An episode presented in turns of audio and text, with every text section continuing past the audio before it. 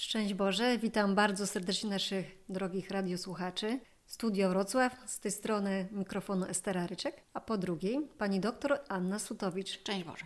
Witam Cię serdecznie, Aniu. Drodzy słuchacze, rozpoczęliśmy cykl rozmów o Kościele tutaj w oddziale wrocławskim. W poniedziałek odbyło się kolejne spotkanie pod tytułem Drogi Kościoła do barbarzyńców. Mhm. I może przejdźmy jeszcze do tego ostatniego, wcześniejszego naszego nagrania i spotkania podcastu, bo tam skupiliśmy się na kościele Konstantyna Wielkiego. Obraz Cesarstwa Rzymskiego, jego kościoła, jego zmiany, formowania się. Przybliżymy troszeczkę naszym słuchaczom, Aniu? Myślę, że warto wrócić do tego choćby z tego powodu, żeby sobie uświadomić, że jeżeli będziemy dzisiaj mówili o barbarzyńcach, to barbarzyńcy to są wszyscy ci, którzy byli poza Rzymem, a wtedy mówiliśmy o kościele rzymskim, i doszliśmy do etapu, w którym Konstantyn Wielki udzielił prawa tolerowania chrześcijan w swoim władztwie. Nie doszliśmy do etapu, w którym chrześcijaństwo zostało uznane za religię panującą, a jest on o tyle ważny, że w tym momencie, czyli pod koniec IV wieku, praktycznie wszystkie ludy zamieszkujące starożytny Rzym, a byli to już także dawni barbarzyńcy, tylko ci, którzy przekroczyli rzymski limes i zamieszkali wewnątrz cesarstwa, a wkraczali tam często jako jako poganie albo wyznawali arianizm, też musieli wyznawać oficjalną religię, być chrześcijanami. I nimi jakby na ostatnim spotkaniu już nie interesowaliśmy się, tylko zajęliśmy się tymi, którzy zamieszkiwali poza Limesem Rzymskim, pozostawali bardzo długo poza zainteresowaniem Kościoła katolickiego, najprawdopodobniej dlatego, że borykał się on wraz ze wszystkimi mieszkańcami Rzymu, właśnie z tą wielką wędrówką ludów i być może to jest właśnie powód, dla którego bardzo długo właśnie ci barbarzyńcy mieszkający poza granicami Rzymu byli także poza zainteresowaniem Kościoła. Czyli barbarzyńca to już nie tylko ten, który nie posługuje się Grekom, ale po prostu zwykły poganin na to Możemy sprawę. powiedzieć obcy. Obcy. Najogólniej y, tak y, ujmując y, rzecz, żeby ona była zrozumiała, barbarzyńca to ten, który jest obcy. To przenieśmy się teraz po mapie troszeczkę wyżej ku północy, jakby zostawiamy Cesarstwo Rzymskie, hmm. możemy wysunąć się bardziej na północ Europy, też Półwysep Apeniński. Jak tam przedstawiała się, bo rozumiem, że mówimy o IV wieku. Hmm. Jak tam przedstawiała się sytuacja mhm. odnośnie kwestii pogan i tego nawracania, tej ewangelizacji. Mhm. Czwarty wiek i początek wieku V to jest taki moment, kiedy możemy powiedzieć, że cała ta Europa, która była już schrystianizowana, uległa ponownej barbaryzacji, uległa, uległa powiedzmy sobie spoganiała. Widać to bardzo dobrze właśnie na przykładzie Wysp Brytyjskich, gdzie te resztki chrześcijaństwa, które zostały zaakceptowane przez Rzymian i obejmowały ten obszar powiedzmy sobie muru Hadriana, one z powrotem stały się pogańskie i resztki tego, tego kościoła mieściły się już tylko właściwie ta, powiedzmy sobie na takich, na zachodnich, na zachodnim krańcu Brytanii. To jest Walia, to jest Kornwaliat i to naprawdę obszar, w którym powiedzmy sobie ten kościół trwał w takim swoistym zakonserwowaniu, ale on właśnie będzie bardzo kluczowy, dlatego że z niego wypłynie święty Patryk, znajdzie się na Irlandii, schrystianizuje Irlandię i z kolei z tej Irlandii mnisi z powrotem przeniosą się do Brytanii, do północnej Brytanii, do Szkocji, a stamtąd będą wędrowali po Europie i dokonają jej ponownej chrystianizacji mniej więcej w wieku V, VI, a nawet jeszcze VII, chociaż dzisiaj już wiemy, że wówczas ta chrystianizacja przebiegała nieco takimi bardziej skomplikowanymi drogami. Wspomniałaś tutaj, Aniu, o tych mnichach właśnie, bo to jest mm. rozwój takiego kościoła monacyst... monastycznego. O tak. właśnie, tego wschodniego, który, jak sama wspomniałaś, w sposób taki wyjątkowy ukazał się na zachodzie. Tak, to znaczy to jest bardzo ciekawe, dlatego że zasadniczo wiemy, że tymi, którzy zajmowali się chrystianizacją Europy, byli mnisi. Oni przybyli do Europy ze wschodu, dlatego że wschód jest właśnie kolebką monastycyzmu. Nie wiemy dokładnie, jak to się wydarzyło. Takim ośrodkiem monastycznym bardzo ważnym na zachodzie były Wyspy Leryńskie. Wyspy Leryńskie, które znajdują się u, u wybrzeży dzisiaj Francji, wówczas powiedzmy sobie Galii. I w tym odosobnieniu na wyspach mieścił się zespół klasztorny, zespół klasztorów, tak to nazwijmy, powiedzmy sobie, wspólnota monastyczna, która wychowała bardzo wielu mnichów europejskich. Prawdopodobnie tam także kształcił się y, święty Patryk, chociaż o jego życiorysie wiemy bardzo niewiele. Postać owiana bardziej legendami, aniżeli wiemy o nim coś więcej, tak już konkretnie jako historycy. Nie możemy zbyt takich bardzo konkretnych danych na jego temat wyciągnąć. I jest to o tyle ciekawe, bo chociaż święty Patryk, który znalazł się właśnie w Irlandii, przypłynął z Wysp Brytyjskich na Irlandię i to jest mniej więcej początek wieku IV, nam się datuje lata 30.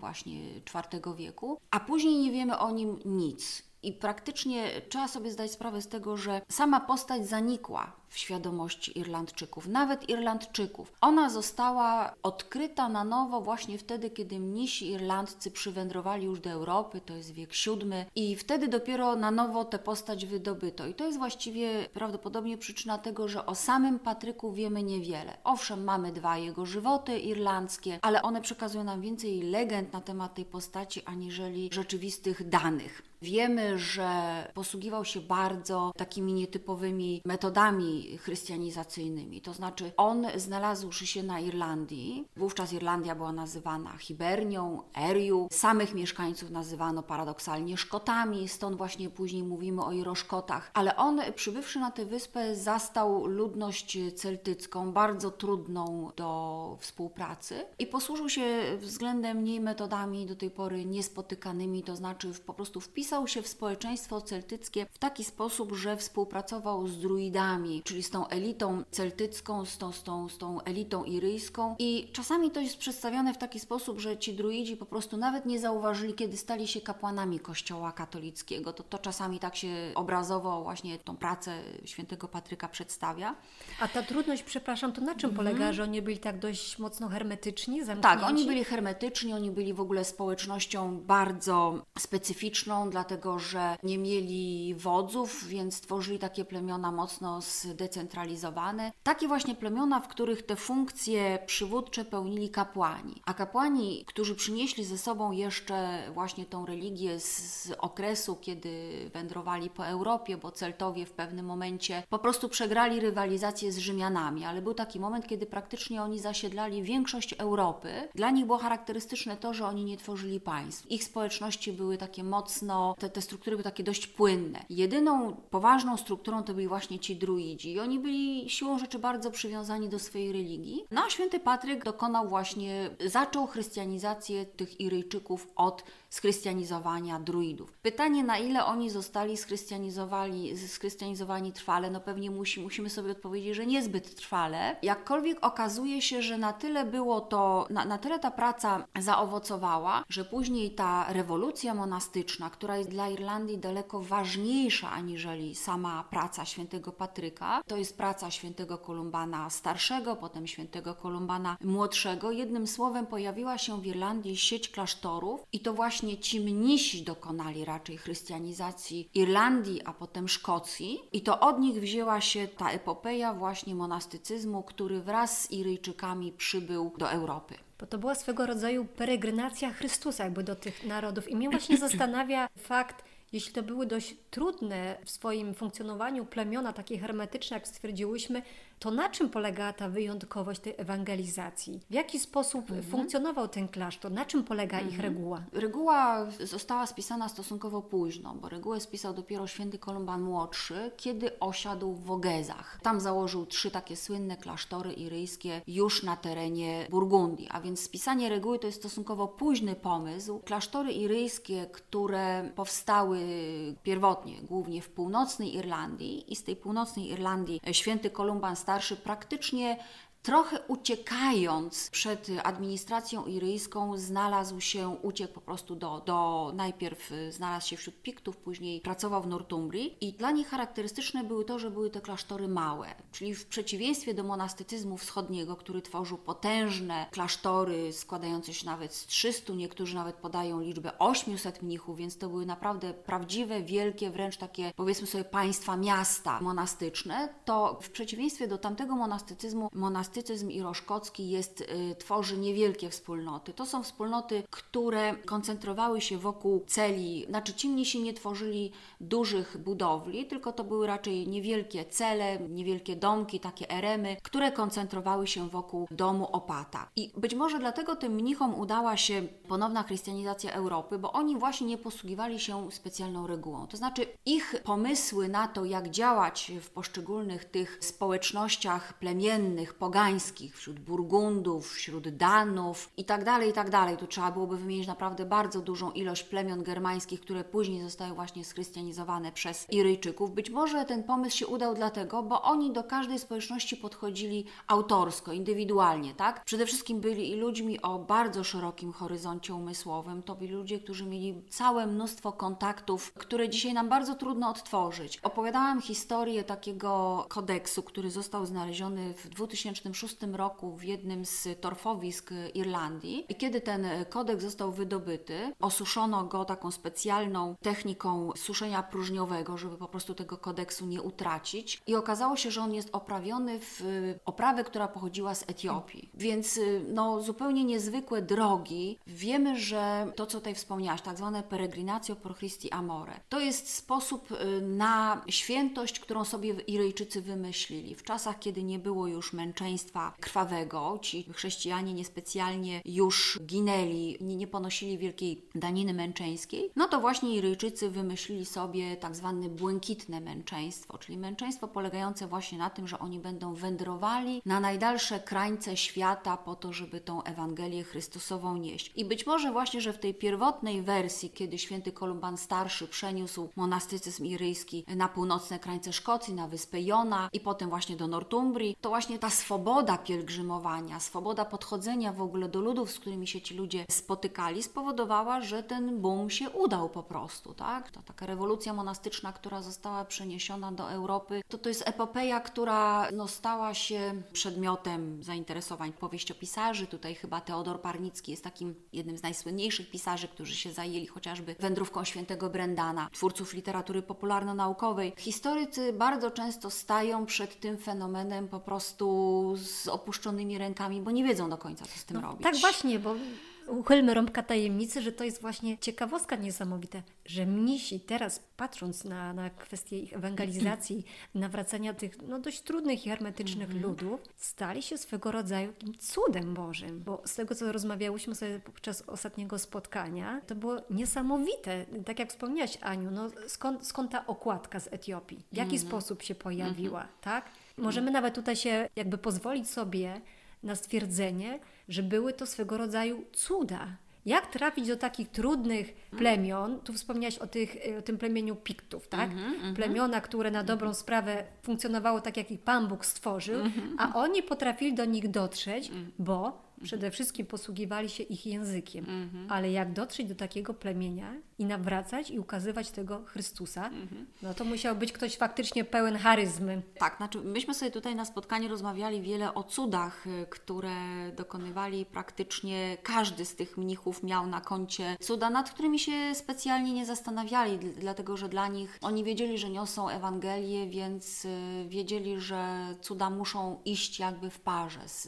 Trzeba było tym najpierw najpierw druidom, później poszczególnym e, społecznościom germańskim, które zamieszkiwały właśnie od V wieku, anglosaskim, które zamieszkiwały od V wieku Wielką Brytanię. Trzeba było po prostu pokazać moc, więc e, tutaj na pewno cuda tak, ale trzeba pamiętać, że mnisi roszkoccy to przede wszystkim asceza i to asceza bardzo skrajna, taka, która powodowała, że ci mnisi niewiele potrzebowali, oni praktycznie mogli zamieszkiwać każdy teren, zabierali ze sobą księgi i i, wędrowali. Wspomniałaś tutaj o tym szerokim horyzoncie, znaczy wspomnieliśmy sobie o tym szerokim horyzoncie i Roszkotów, który nie wiemy jakimi drogami y, ci, ci ludzie pozyskiwali swoją wiedzę. Znali grekę, znali łacinę. Prawdopodobnie, ponieważ oni posługiwali się pierwotnie językiem runicznym, bo to jest y, celtowie posługiwali się runami i to jest niesamowite, dlatego że oni mieli tak szeroką wiedzę o świecie, a nie bali się tej wiedzy. To jest istotne, że oni się po prostu tej wiedzy o świecie nie bali. Wiedzieli że Ziemia jest kulista, dlatego że znali traktaty starożytnych i byli przekonani o kulistości Ziemi. Jak Ziemia jest kulista, zadawali sobie pytanie na temat tego, jacy ludzie mieszkali po drugiej stronie półkuli. To są rzeczy, które na wiele lat w średniowieczu zostały, ta ich wiedza została w pewien sposób stłumiona, a to dlatego, że kiedy anglosasi opanowali, możemy powiedzieć, tam nastąpiło takie zetknięcie kościoła iroszkockiego z anglosasami. I anglosasi zostali, czyli ten zlepek plemion germańskich, oni zostali schrystianizowani nieco inaczej, dlatego że oni zostali schrystianizowani w wyniku misji wysyłanej przez papieża Grzegorza Wielkiego na początku VII wieku i tam zjawili się benedyktyni, czyli ta wersja monastycyzmu zachodniego, który przywędrował, jakby wyprowadził się z Półwyspu Apenińskiego. I to takie zderzenie dwóch, dwóch kultur na samej Wielkiej Brytanii dało taką ciekawą mieszankę, zwłaszcza wtedy, kiedy nastąpiło porozumienie na synodzie w Whitby pomiędzy tymi dwoma kościołami, ale już ci mnisi, którzy w VII wieku wydostawali się z Wysp Brytyjskich i wędrowali do Europy, czyli już zostawiamy samych Iroszkotów, a mamy taką mieszankę iroszkocko-anglosaską, która właśnie w Europie zjawiła się w VII wieku. I to jest mnich Bonifacy, to jest święty Winfryd Bonifacy. I tutaj przytaczałam przykład, czyli apostoł Germanów, tak to sobie ogólnie przedstawmy. I tutaj przytaczałam taki słynny konflikt właśnie Winfryda Bonifacego z Wergiliuszem, który był apostołem także Burgundów, ale głównie Alemanów, czyli możemy powiedzieć poprzedników dzisiejszych Szwajcarów, tak? Działał na terenie Szwajcarii, był mnichem opatem mieszkającym w Salzburgu. I zderzenie tych dwóch umysłowości, to już widać